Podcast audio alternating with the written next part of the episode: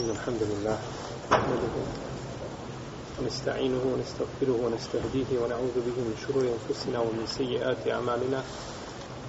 من يهده الله فهو المهتد ومن يضلل فأولئك هم الخاسرون.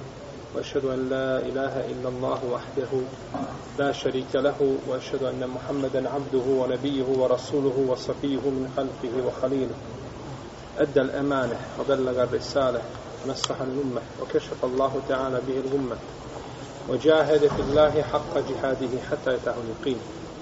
أما بعد فإن أصدق الكلام كلام الله تعالى وخير الهدي هدي محمد صلى الله عليه وسلم وشر الأمور محدثاتها وكل محدثة بدعة وكل بدعة ضلالة. ثم أما بعد. Od principa ili pravila koja su predmet jednoglasnog stava islamskih učenjaka u našoj vjeri jesu riječi Allaha tebarake wa ta'ala وَمَا جَعْلَ عَلَيْكُمْ فِي الدِّينِ مِنْ حَرَجِ On vam u vašoj vjeri nikakvu poteškoću nije učinio. Jeste princip i pravilo fa inna ma'al usri yusran inna ma'al usri yusra. Uvijek je sa poteškoćom olakšica i uvijek je sa poteškoćom olakšica, to jeste uvijek poteškoću prate olakšice. I jeste pravilo koje je izađeno iz reči Allah te barake o teala la yukellifullahu nefsen illa wus'aha. Allah ne opterećuje čovjeka mimo njegovih mogućnosti. La yukellifullahu nefsen illa ma ataha Allah ne opterećuje čovjeka mimo onoga što mu je dao. Pa sto pravila oko kojih nema razilaženja među islamskih učenjacima da je praktični dio islama jednostavan i da ga svaki obaveznik može izvršiti. Pa svaka naredba koja je došla u Kur'anu ili sunnetu, ona je takva da je može obaveznik izvršiti ili da može ostaviti zabranu. Svaka naredba koja je došla, može se izvršiti. A svaka zabrana koja je došla, čovjek može tu zabranu ostaviti, da ne čini znači dotično djelo i to mu neće utjecati znači na njegov niti dunjalučki, niti ahiretski život. I u tome se nikada nisu dva učenjaka razišla od prvih do posljednjih. Nema znači nikakvog razilaženja po tome pitanju. Kada znamo ove činjenice, onda se sa pravom možemo zapitati šta je to sa ljudima pa u Ramazanu eto ih u džamije hrle ulaze dolaze što mi kažemo na vrat na nos a posle Ramazana nigdje nikoga 27. noć Ramazana džamija puna 28. upola manje Šta je to navelo ljude da dolaze u Ramazanu u džamije, a da mimo Ramazana ne dolaze u džaniju. Ljudi su, znači moja, matematičari, donekle pametni ome pogledu. Oni čekaju da vide nagradu. Kada vide nagradu za učinjeno dijelo, onda prilaze eto ih u džamije. Kao da se nešto dijeli. No međutim, dok ta nagrada izostane u onome klasičnom smislu da mu je obećana, kao recimo za 27. noć, odmah vidiš i njega kako posustaje i kako više nije u onome žaru i onome elanu u kome je bio noć prije toga. Pa računaju čisto dunjalučkim, matematičkim proračunima, pa su se dobro prevarili ovoga puta. Jer uzvišen je Allah Tebarak je otala koji je propisao ljudima da budu muslimani u Ramazanu, propisao je da budu muslimani mimo Ramazana. I da je takvo poimanje krnjavo, naopako, u dunjalučkim stvarima, ne kažemo u afiretskim, vjerskim. Kada bi otišao kod doktora, kod liječnika, i on ti propiše lijek koji te uz Allahom pomoć može izliješiti, i propiše ti 12 kapsula, i ti popiješ jedno i kažeš dosta, ako Bog da, ja ću biti izlečen. To niko ne bi prihvatio nego dok ne popije, znači zadnju kapsulu. Godina ima 12 mjeseci, a nema mjesec dana. Pa jedna kapsula šta nije? Dovoljno. To je samo 12. dio islama. A treba biti musliman jedan kroz jedan. Kuće nećeš da kupiš ako je jedan kroz dva. A hoćeš da budeš musliman jedan kroz 12. Pa to Ne može nikako. Ni po kakvim pravilima, ni dunjalučkim, a da ne govorimo ahiretskim, znači takva logika ne može, ne može proći. Pa uzvišen je Allah te barak je od tada koji prima dobra djela u Ramazanu, prima ih i mimo Ramazanu. A otkud znaš, možda je uvjet da ti Allah primi Ramazan, da budeš dobar musliman nakon Ramazana. I ko zna od nas da li će uzvišeni Allah te barek od primiti njegova djela ili neće. Možda dođeš na sudnji dan, brate, i Allah te barek sve tvoje namaze što si imao smota ih i baci ti u lice, kaže ništa te neće primiti. I sad posti baci u lice, i svu sadaku, i sve dobročinstvo, a nijedan ti grijeh ne oprosti. Jer Allah te barek od nije dužan da oprosti bilo komu. Niti je dužan da primi od bilo koga, braće, ovo je bitno. Nije dužan da primi, jer to prima svojom dobrotom svojom dobrotom. Pa ako ti ne ukaže dobrotu, on daje svoju dobrotu kome? Kome želi. Daje svoju dobrotu kome? Želi.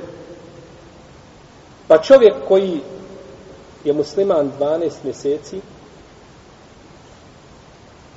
po 24 sahata ne može očekivati da uđe u džennet osim Allahom Nema tog muslimana na zemlji. Niti živog bića, pa čak ni Rasulullah, Muhammed, sallallahu alaihi wasallam, da će ući u džennet svojim djelima. A vallahi, jedna sekunda u životu Allahov poslanika je bolja nego život nas svih. No međutim, kaže, wala ana illa in يَتَغَمَّدَنِي rabbi bi rahmeti. O fadlin. Nija, osim ako me uzvišeni Allah te barake od obavije svojom milošću i svojom dobrotom. Nija. Pa znači čovjek, koliko god radio, ne može ući u džennet. A uzvišen je Allah te barak tala nas nagrađuje po svojoj milosti i dobroti, ne po pravdi. Da nas uzvišen je Allah nagrađuje po pravdi. Allah ne znam ko bi bio taj svetnik da pogleda i da vidi samo kapije džennetske, ne da uđe u džennet, nego samo da vidi kapije džennetske. Jer po pravdi znači nagrađivati, ako pogriješiš, greška, nema opraštanja. Ako uradiš dobro djelo, jedno dobro djelo i nema čega? povećanja dobrih djela. Ostaju, znači, djela kakva šta? Kakva jesu? To je po pravdi. A po dobroti je da ti jedno, da te za jedno djelo nagradi deset puta i do sedamstotina puta, a da ti loše djelo, oprosti, to je po, to je po dobroti ili po milosti. A po pravdi ne bi toga imao.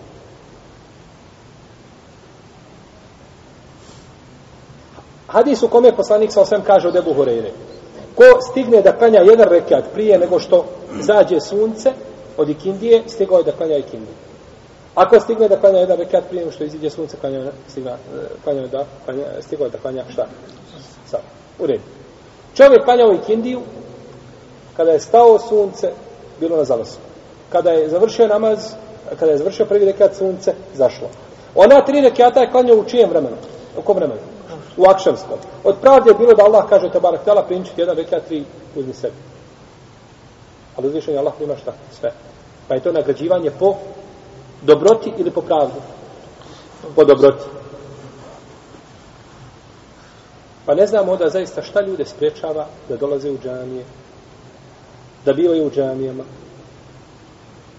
i da Allah te barak tela čine i badis da budu muslimani kao što su bili muslimani na bazanu.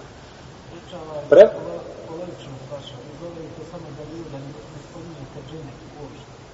govorite o tim stvarima, govorite i za jedni i za drugi, molim. Dakle, ljudi su... Allah rekao, stvorio sam ljude i džine samo zato da mi se klanje, ali samo jedno spominje. Dakle, ljudi su obmanjeni svojim dijelima. Kada vide svoja dijela, kada vide ljudi svoja dijela, obmane se dijelima i nakon toga smatraju da su radili nešto puno. Da čovjek živi životom Nuha, ali i sram, da radi dobra djela, da ne učini jedno loše djelo, opet ne može žene svojim šta? Djelima. Da živi životom Iblisa, ali i sram, opet ne može žene svojim djelima. Nego znači isključivo Allahovom milošću. Te barake, te ala. To je znači jedini put i to je jedini način da čovjek zasluži Allahovom milost. A ne može je zaslužiti osim ako mu se bude, ako mu se bude pokoravao. Jedan od problema koji je kod ljudi jeste to što su ljudi što se ljudi boje. I neće ljudi da budu garibi, da budu strani među društvom i okolišem kome žive. Neće da se razlikuju od njih. Jer ako si musliman samo u Ramazanu, mimo toga, ako si obični građanin kao i drugi ljudi, onda si prihvatljiv i u velikoj mjeri bit ćeš kritiziran po njihovim kriterijima. Poslanik sa osaleme kaže u hadisu koji je došao sa više različitih puteva Bede el islamu gariben o se jaudu gariben kema bede da tuba li goraba. Islam je počeo stran i vratit će se stran i blago se onima koji budu strani, to jeste koji se budu držali islama na kome su bile prve generacije muslimani. Ako imama Buhari, njegov sahihu ima kada da je poslanik sallallahu alejhi ve došao i uzeo Ibn Omara, uzeo ga za njegova ramena. I kaže mu ja kun fi dunja ke enneke garib evo abiru sebi Abdullah kaže budi na dunjalu kao da si stranac. I onda kaže eu abiru sebil ili putnik prolaznik. Ali ovo ova čestica eu ne znači ili iako u osnovi znači ili ali ovdje ima drugo značenje a to je bel već budi. Budi kao stranac ne kao stranac budi kao putnik prolaznik. Tako je značenje hadisa. Jer putnik prolaznik ponekad dođe na jedno mjesto. Šta je putnik a, ovaj stranac? Dođe u jedno mjesto no međutim može tu ostati šta? Godinama. I da spusti sidro i da se tu uhljebi, da se tu oženi i ostane onaj stranac, ali ostatu. Pa Allahu poslanik kada je kazao budi stranac, da ne bi odmah neko shvatio stranac, no međutim mogu ja ostati tu duže, mogu sebi praviti nekako boravište, kaže ne, budi kao putnik prolaznik. Šta je putnik prolaznik? Dođe na jedno mjesto, stane, nije ni razapeo šator, već mora šta? Pakovati otići dalje. Nema vremena da se smije. Ili došao na jedno mjesto stao, ili otišao na drugo, to je za njega sve jedno. Pa budi na dunjalku kao šta? Putnik prolaznik.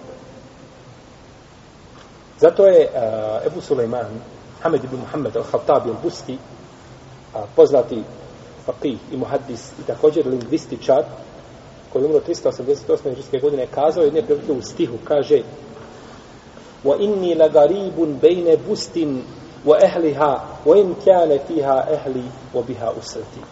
Kaže, ja sam stranac u Bustu, to je njegov mjesto gdje se rodio, iako je, kaže, u Bustu moja porodica i moja rodbina, svi su tu, no međutim, ja sam stranac u njegu. Jer je čovjek tada držao se, znači, sunneta poslanika, sallallahu alaihi wa sallame, a na način kako je to uzvišenje Allah za uđer tražio od njega. U vremenu kada se čovjek drži dina, nastupaju iskušenje, pa je to ljudima teško, pa ljudi bježe, idu linijom manjeg otpora.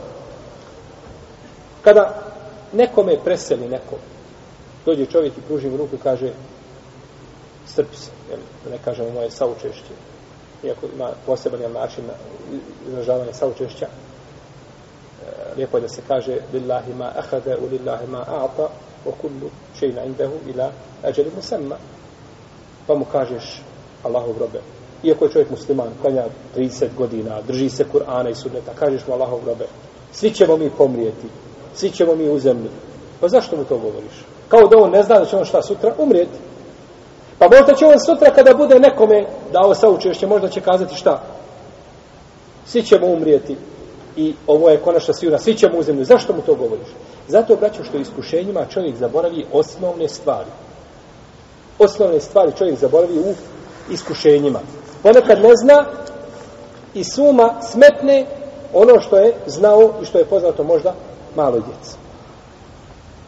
Kako je došlo od Ajše radijallahu ta'ala anha kada je bila hadisa tolik, kada je, bilo, kada je bila potvora Aisha radijallahu ta'ala anha, dolazio je poslanik sa Allah pored nje i prolazio, no međutim kaže nisam mogla vidjeti od njega one blagosti, one nježnosti koju sam osjećala u, dok sam bila sa poslanikom sa Allah mimo toga pa bi ušao kod Ajše, a ona bolesna mjesec dana. Posebno je bio blag prema njoj dok je bolesna. Pa kaže, kejfetikom, kaže, kako su oni? Pogledajte kako se pita za Ajšu, kako je, ne kaže kako je ona. Jer ona je i šaret za, osut, za odsutnu osobu. Nego kaže, kejfe tikom, kako su oni tamo negdje daleko, niko ih ne vidi, niko ih ne zna. I uopće pitao kako je Ajša. Pa je prolazili dan za danom, niko je ne brani. To je rekao poslanik sa osam jednog dana. Ajša kaže, ako si učinila grijeh, pokaj se Allah, Allah će oprostiti. Kaže, kada je to rekao, tri dana sam plakala uzastopno. Kada je to rekao, kaže, moje su suze prekinule. وظننت أن البكاء فاقد ili, ili faliku faliku kebidi kaže ja sam smatrala da će plač rastrgati moje džigare da će me uništiti ali kaže kada je to rekao poslanik on kaže moje su suze presušile nisam više ni suze pustila pa sam im rekla kaže nemam šta da kažem nego kao što je rekao otac Jusufa. Kaže, da sabrun dženin, wallahu musta'an. Lijepi sabor. Ali kaže, kako je rekao i otac Jusufa. Kaže, htjela sam da se sjetim njegovog imena, pa nisam mogla. Ne zna ko je šta. Izgubila je i suma smetnula kako se zove otac Jusufa zbog fitneta i iskušenja koje su je snašli. Osnovnu stvar koju svako od nas zna, je li u ponoć kada se probudi, ko je otac Jusuf? No, međutim, nije znala da kaže ko? Jakub Alesa. Jednostavno je to svetlo i zaboravila. I tako je sigurno kada, znači dođu iskušenja, pa onda ljudi da bi pobjegli od toga, jer subhanallah kada pogledamo braćo prve generacije muslimana, kada vidimo znači kako su oni trpili za ovu vjeru i kakav su emanet stavili nama na vrat, Boga mi čovjek treba zapitati za svaki dan u svome životu. Bilal radijallahu anhu je na pustinji skinu, u pustinji skinu odjeću. U pustinji kada sve cvrči od, od užarenosti u podne, odjeću i tako ga stave na, na pjesak, a drugi mu kamen stave na prsa i pritišću to. I on viče, ahadun ahad, Allah je jedan, jedan. Kaže, tako mi Allaha da sam znao riječ koja i više srdio do te, kaže, nju bi rekao. A nisam znao, kaže drugu riječ, koja bi više srdio. Jednoga je dana Omar radijallahu anhu sjedio u društvu sa ljudima, pa je tu došao, a, došao je Ammar ibn Jasir. Pa kaže Omer, niko kaže nije preči da danas sjedi u ome društvu od To niko nije preči da bude vođen predajnih muslimana od Ammara. Zato što je najviše šta? Trpio je zijete. A to je sjedio pored njega Habab ibn Aret. Habab ibn Aret. Pa je kazao, o vladaru pravovjerno. Nije, kaže, baš tako. Pogledaj. Pa je zavrnuo svoje, svoju odjeću i pokazao mu svoje leđa. Kad je Tomer vidio, prepao se. Šta je to, kaže? Kaže, jednoga dana su, kaže, mušici upalili vatru. I kaže, stavili me, kaže, na vatru. I tako mi Allah, kaže, ništa nije vatru ugasla do moje leđa. Moje kosti su, kaže, ugasla vatru. Pogledaj, znači, koliko su ti ljudi šta? Trpili za vjeru. I zato kada čovjek uhvati se vjere, iskušenja u vjeri su kao, kao iman i stid. Kako kaže poslanik sa osnovu hadisu ibn Omara, koga bi leži tirmizi, inel imane wal hajae kurina džemijan. I da rufija ahaduhuma, rufija al-ahar. Upoređeni su iman i stid. Kada se jedno digne, diže se. Kada nestane jednog, nestane nijednog. I zaista je tako. Pogledaj čovjeka, koji nema imana. Ima stida? Kod nevjernika je stid pogrdan kod muškaraca. A posebno kod žena. Najgora stvar u njihovim očima što može biti, to jeste da žena ima stid. To je kulminacija zaostalosti i nekulture i necivilizovanosti i, i emancipacije ispomnjene šta hoćeš. A pogledaj čovjeka koji ima iman, ali izgubi stid. Kakav je njegov iman? Ne razlikuješ između njega i nemuslimana. Nikakve razlike nema. Pa su spojeni iman i stid. Kada čovjek izgubi jedno, nestaje drugo. Ovo je jako bitno. E tako je, braćo, tako je islam, držanje za vjere i iskušenja. Nikada se ne mogu razvojiti. Stalno bilo. Jer kad zapušu jaki vjetrovi, uluje jake kad zapušu, šta one, one šta, šta pogađi, šta njišu? krošnje, one velike jake ili ono drveće, sa, ono, ono lišće po zemlji koje je palo. Lišće koje je palo po zemlji, zalepilo se za zemlju od kiše, ništa ga ne dira. Nego taj vjetar njiše, one velika, ona stabla, čvrsta, jaka, hoće da njih sruši. Tako su iskušenja. Kad najđu, onda diraju one najjače, najčvršće. A onaj mulj, što je po zemlji, što je nakon ne vrijedi, to ne dira, to ostaje. Jer ona samo po sebi ništa ni ne vrijedi. Kada je ona žena Hansa, poznata sahabika, kada je kad se vratili sa bitke, pa pitaju je, pita gdje su moji, kaže, muž ti je poginuo, brat ti je poginuo, sin ti je poginuo. Drugi, treći, kaže, šta je sa poslanikom, sallallahu alaihi sallam? Kaže, kaže, on je dobro, kaže, daj da ga vidim. Pa dobro je, došao je sa nama u putu, ga vidjeli, došao u Medinu sa hajdu, ništa mu se nije desilo. Kaže, hoću da ga vidim Kada ga je vidjelo, kaže, alhamdulillah, kaže, Allahov poslaniče, nakon tebe, svaki musibet koji pogodi ljude, kaže, lahak i lahko se može pretrpiti. Zašto ona hoće da vidi poslanika, sallallahu alaihi wa sallam? Iz razloga što čovjek kada vidi koji u musibetu, kada vidi nešto što, što ga radosti, onda mu se srce smiri. Kako kaže uzvišenje Allah, te barake wa ta'ala, وَلَقَدْ أَغْرَكْنَا آلَ فِرْعَوْنَ وَأَنْتُمْ تَنْظُرُونَ I mi smo potopili Firaunov narod, a vi gledate. Pa je to za Benu Israel bilo šta? Liječenje njihovih prsa. Gledajte sada kako završava onaj koji je prizivao božanstvo i koji je smatrao sebe neuništivim. Pogledajte kako je završio. Pa da čovjek, to čovjeku tada daje snage ovaj, i daje mu volje da istraje na pravom putu.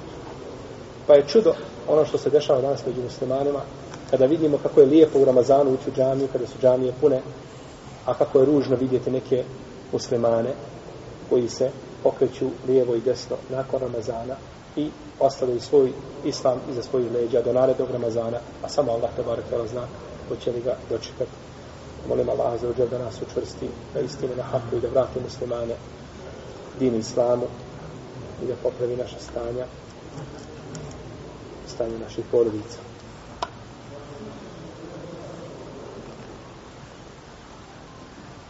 Mi smo u našem zadnjem predavanju stali kod poglavlja naklanjavanja vitra.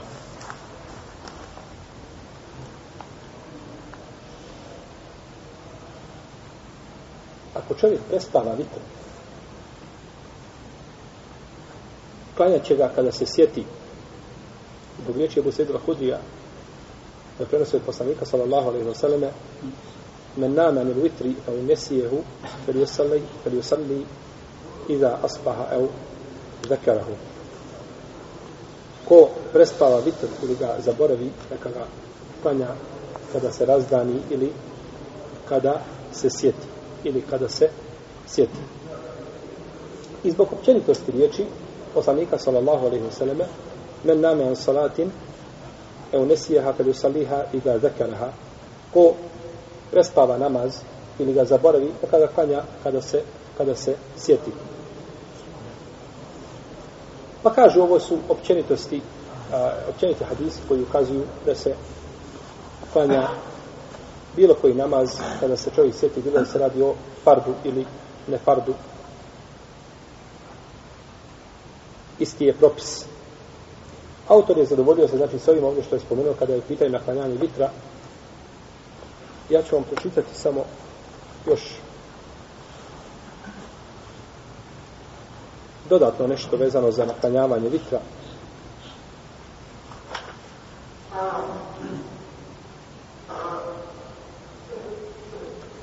Šta će učiniti onaj ko prespava ili zaboravi vitr namaz? Ovo čitamo iz knjige o postu. Abu Isad al-Hudri kaže da je poslanik s.a.v. rekao ko dočeka zoru a ne klanja vitr, nema vitra. Hm? Ko dočeka zov. A ne klanja vitr, nema vitra. Gotovo je. U drugom hadisu poslanik sallallahu alejhi kaže ovu predaju bileži Ibn Hibban Ibn Huzeime Hakim i predaja je vjerodostojna po ocjeni šeha Albanija i također prije njega imama Zehebije. U drugom hadisu poslanik sallallahu alaihi sallam kaže nastupom zore, misle se na pravu zoru, Prekida se vrijeme noćnog namaza i vitra, zato klanjate vitr prije njenog nastupa. Prije nastupa čega? Zore. Dakle, nakon zore nema vitra. Međutim, u sunnetu se navode drugi hadisi koji prividno oponiraju prethodno citiranim predajama. Pa opet Ebu Sejid al-Hudri prenosi da je poslanik sallallahu alaihi sallam rekao ko prespava vitr, ko prespava vitr ili ga zaboravi, neka ga klanja nakon nastupa zore ili kada se sjeti. Ovu predaju bilježi Ebu Dawud, Tirmizi ibn Mađe i drugi i ona ispunjava kriterije Buhari i Muslima. Jedne prilike poslanik sallallahu alaihi wasallam je prespavao vitr namaz, pa ga je klanjao nakon drugog sabatskog jezana i nastupa zora.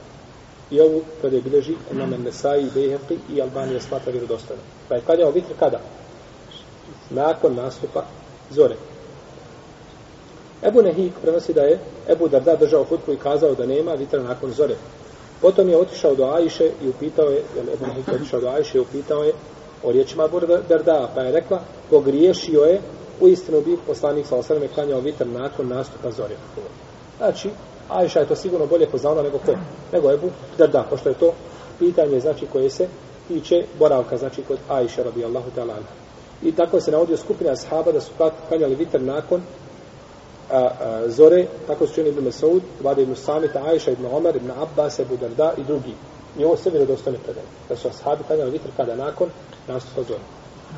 Sada vidimo ovdje i uočavamo dvije a, vrste ili dvije skupine kontra, prividno kontradiktornih argumenta. Jedni kažu nema vitra nakon zore, a u drugima se navodi da je poslanik sa osvrame klanjao vitr nakon nastupa čega? Nakon nastupa zore. Nije ispravno, kao što čine neki odmah da kažu, to su hadisi koji se ovaj, koji oponiraju jedni drugima i jedni se trebaju izbaciti, one ispravnije treba uzeti. To je pogrešno, već treba znači da, kao što smo govorili više puta, da pomirimo te hadise, pa ćemo kazati ko prespava vitr ili ga zaboravi, neka ga klanja kada se šta sjeti. Ako namjerno ostaje vitr svojom nemarnošću i ne želi da ga klanja, onda tako nema šta, nema vitra. Takav neće, znači, klanjati vitra nakon zore, on je izgubio, znači, on je izgubio mogućnost za to a, da dokradi. Isto tako zaborav mjesetica tjelesa nemoći slično to sve opravdanja ista. Čovjek nakon jacije pao na postelju ne može e, ne može dići glave nikoga ni okrenuti se bo, bolovi i zaspao i nakon toga probudio se ujutro posle izlaska zor, nastupa zore kaže mu pa nešta pa je vitr nama znači u kada se već probudio. Ali čovjek namjerno rasteže i neće, klanjać ujutro.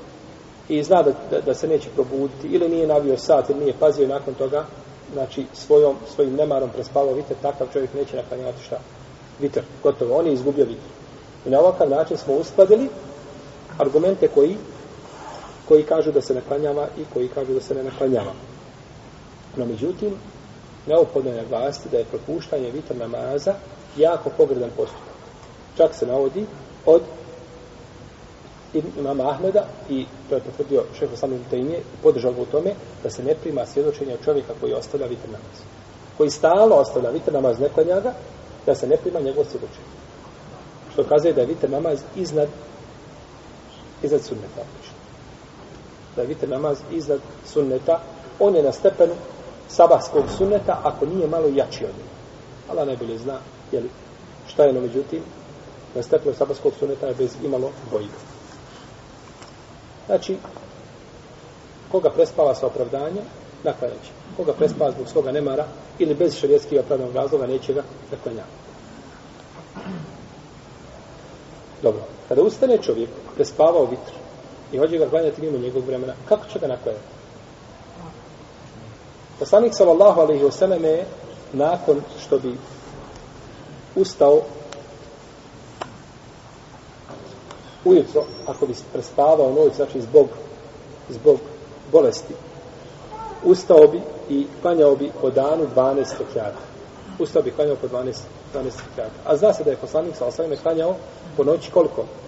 11 rekata, Pa bi na tih 11 dodao još jedan još jedan rekat pa bi klanjao, pa bi klanjao 12 rekata.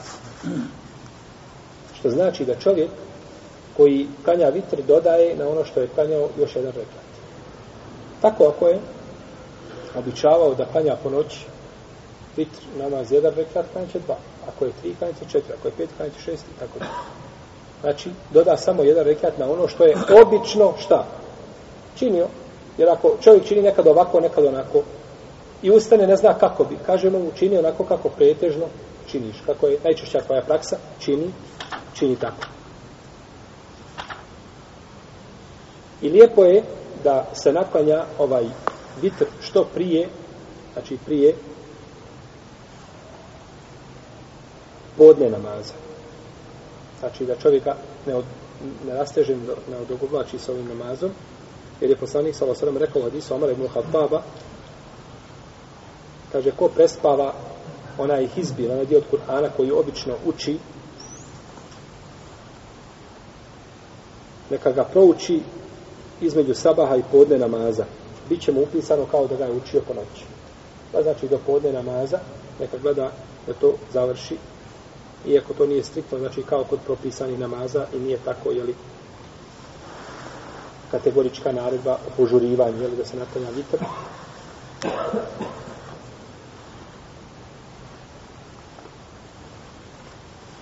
Iako se može zaključiti iz petrovskog hadisa, neka ga klanja kada se sjeti ili kada osvane, kada osvane, znači, bolje čovjeku da požuri se. Dva rekiata poslije dva rekiata posle vitra. Prenosi Ajša radijallahu ta'ala kako bi došao Buhari i Muslim, je poslanik sallallahu alaihi sallam je klanjao 13 rekata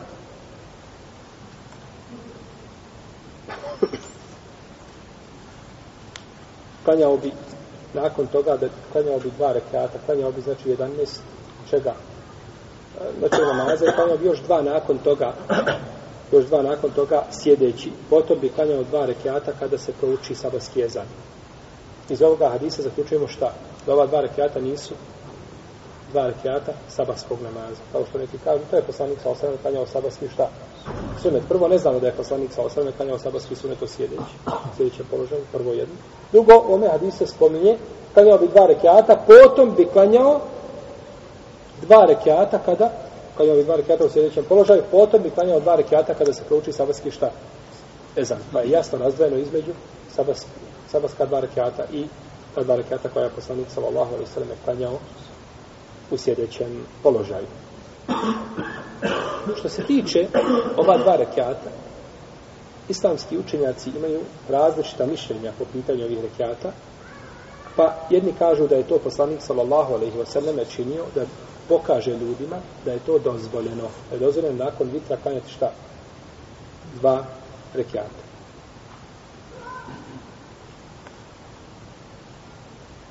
Drugi kažu da su ova dva rekiata poput rekiata koji je pot, uh, oni rekiata koji potpunjuju vitr. Kao što akšamski sunet potpunjuje šta? Akšam namaz. Narošto ovo mišljenje ima mjesto kod onih koji im kazali da je vitr šta? Vađib. Vađib. Pa ima, ima bi onda vitr kao svoje šta? Sunnet. A međutim, o tom potom. Ovo mišljenje svakako da prihvata znači diskusiju i razglabanje, jer vidite, nije vađib. Nije vađib. I ne znamo da je to poslanik sa osjećanjem stalno. To je predstavno da je klanjao, da li je to klanjao jedan put ili nekoliko puta, no međutim nije sigurno poslanik sa osam to stalno činio. Nije to stalno činio. I treće mišljenje da su ova dva rekata bila posebno izrit, izrit znači ovaj naređena poslaniku sa osam ili oni je samo mogao oklanjati, a ne drugi ljudi. Što se tiče ovoga trećeg mišljenja, ono nema jako uporište da bi znači to dokazali, trebamo imati šta? To je argument, znači da je to bilo vezano samo za poslanika sallallahu sallam, a nije za, a nije za druge a nije za druge ljude. Poslanik sallallahu alejhi kaže u hadisu ko se od vas boji da neće ustati pri kraju noći neka klanja vitr prva noć. Dobro, klanja vitr prva noć kako došlo da je poslanik sallallahu alejhi poručio kome? Ebu Hureyre da klanja s prva noć. Da posti pri bijela dana i da klanja dva rekiata duha i da klanja vitr prije spavanja. Za ovaj hadis uzeli hanefijski učenjaci. Da klanja vitr na početku noći. Iako je poslanik sa osam, kako je došlo od hadisu Ajše, klanjao i na početku noći, u sredinu noći, na kraju noći. Sve je to činio što se tiče vitr namaza. Pa ko klanja na početku noći, probudi se nakon toga i klanja ovdje. Kaže mu ne možeš. Ili ko buze običaj da radi po hadisima, da se vitr klanja šta? S prva noći. I ođe klanja noći namaz. Šta ćemo mu kazati? Ne možeš? Ne. Nego ima, znači imaju dokaz koji dozvoljavaju, znači da se da se klanja nakon toga. I čak ima u jednom hadisu, koga, kod Darine, koga je vjerodostavljeno ocenio šejh Albani u svojim uh, silsilama, eh, vjerodostavljenim serijama hadisa, kaže poslanik sallallahu alejhi ve selleme eh, put je naporan, ovaj put je naporan, kaže, pa ko od vas klanja vitr, neka nakon toga klanja kada se probudi dva rekiata. Znači, imamo znači argumente da se može i nakon vitra klanjati.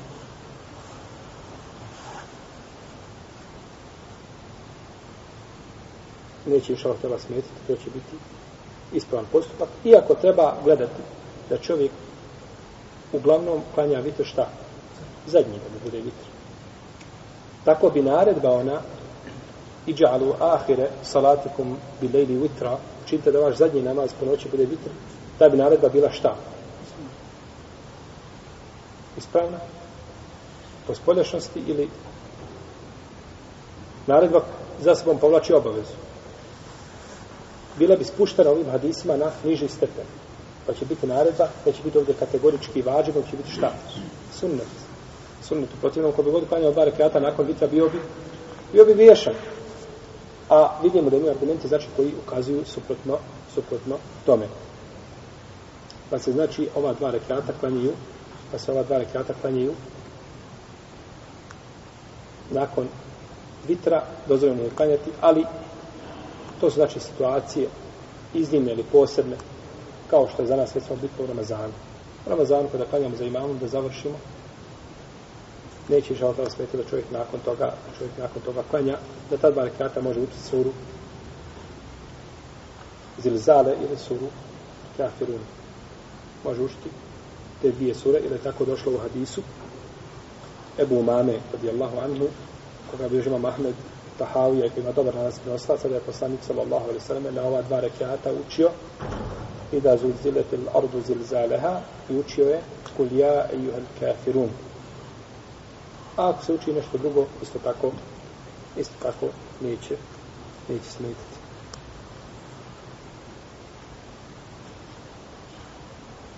S ovim bismo završili sa vitrom namazom i nakon toga dolazi nam prijamu lejim noći namaz.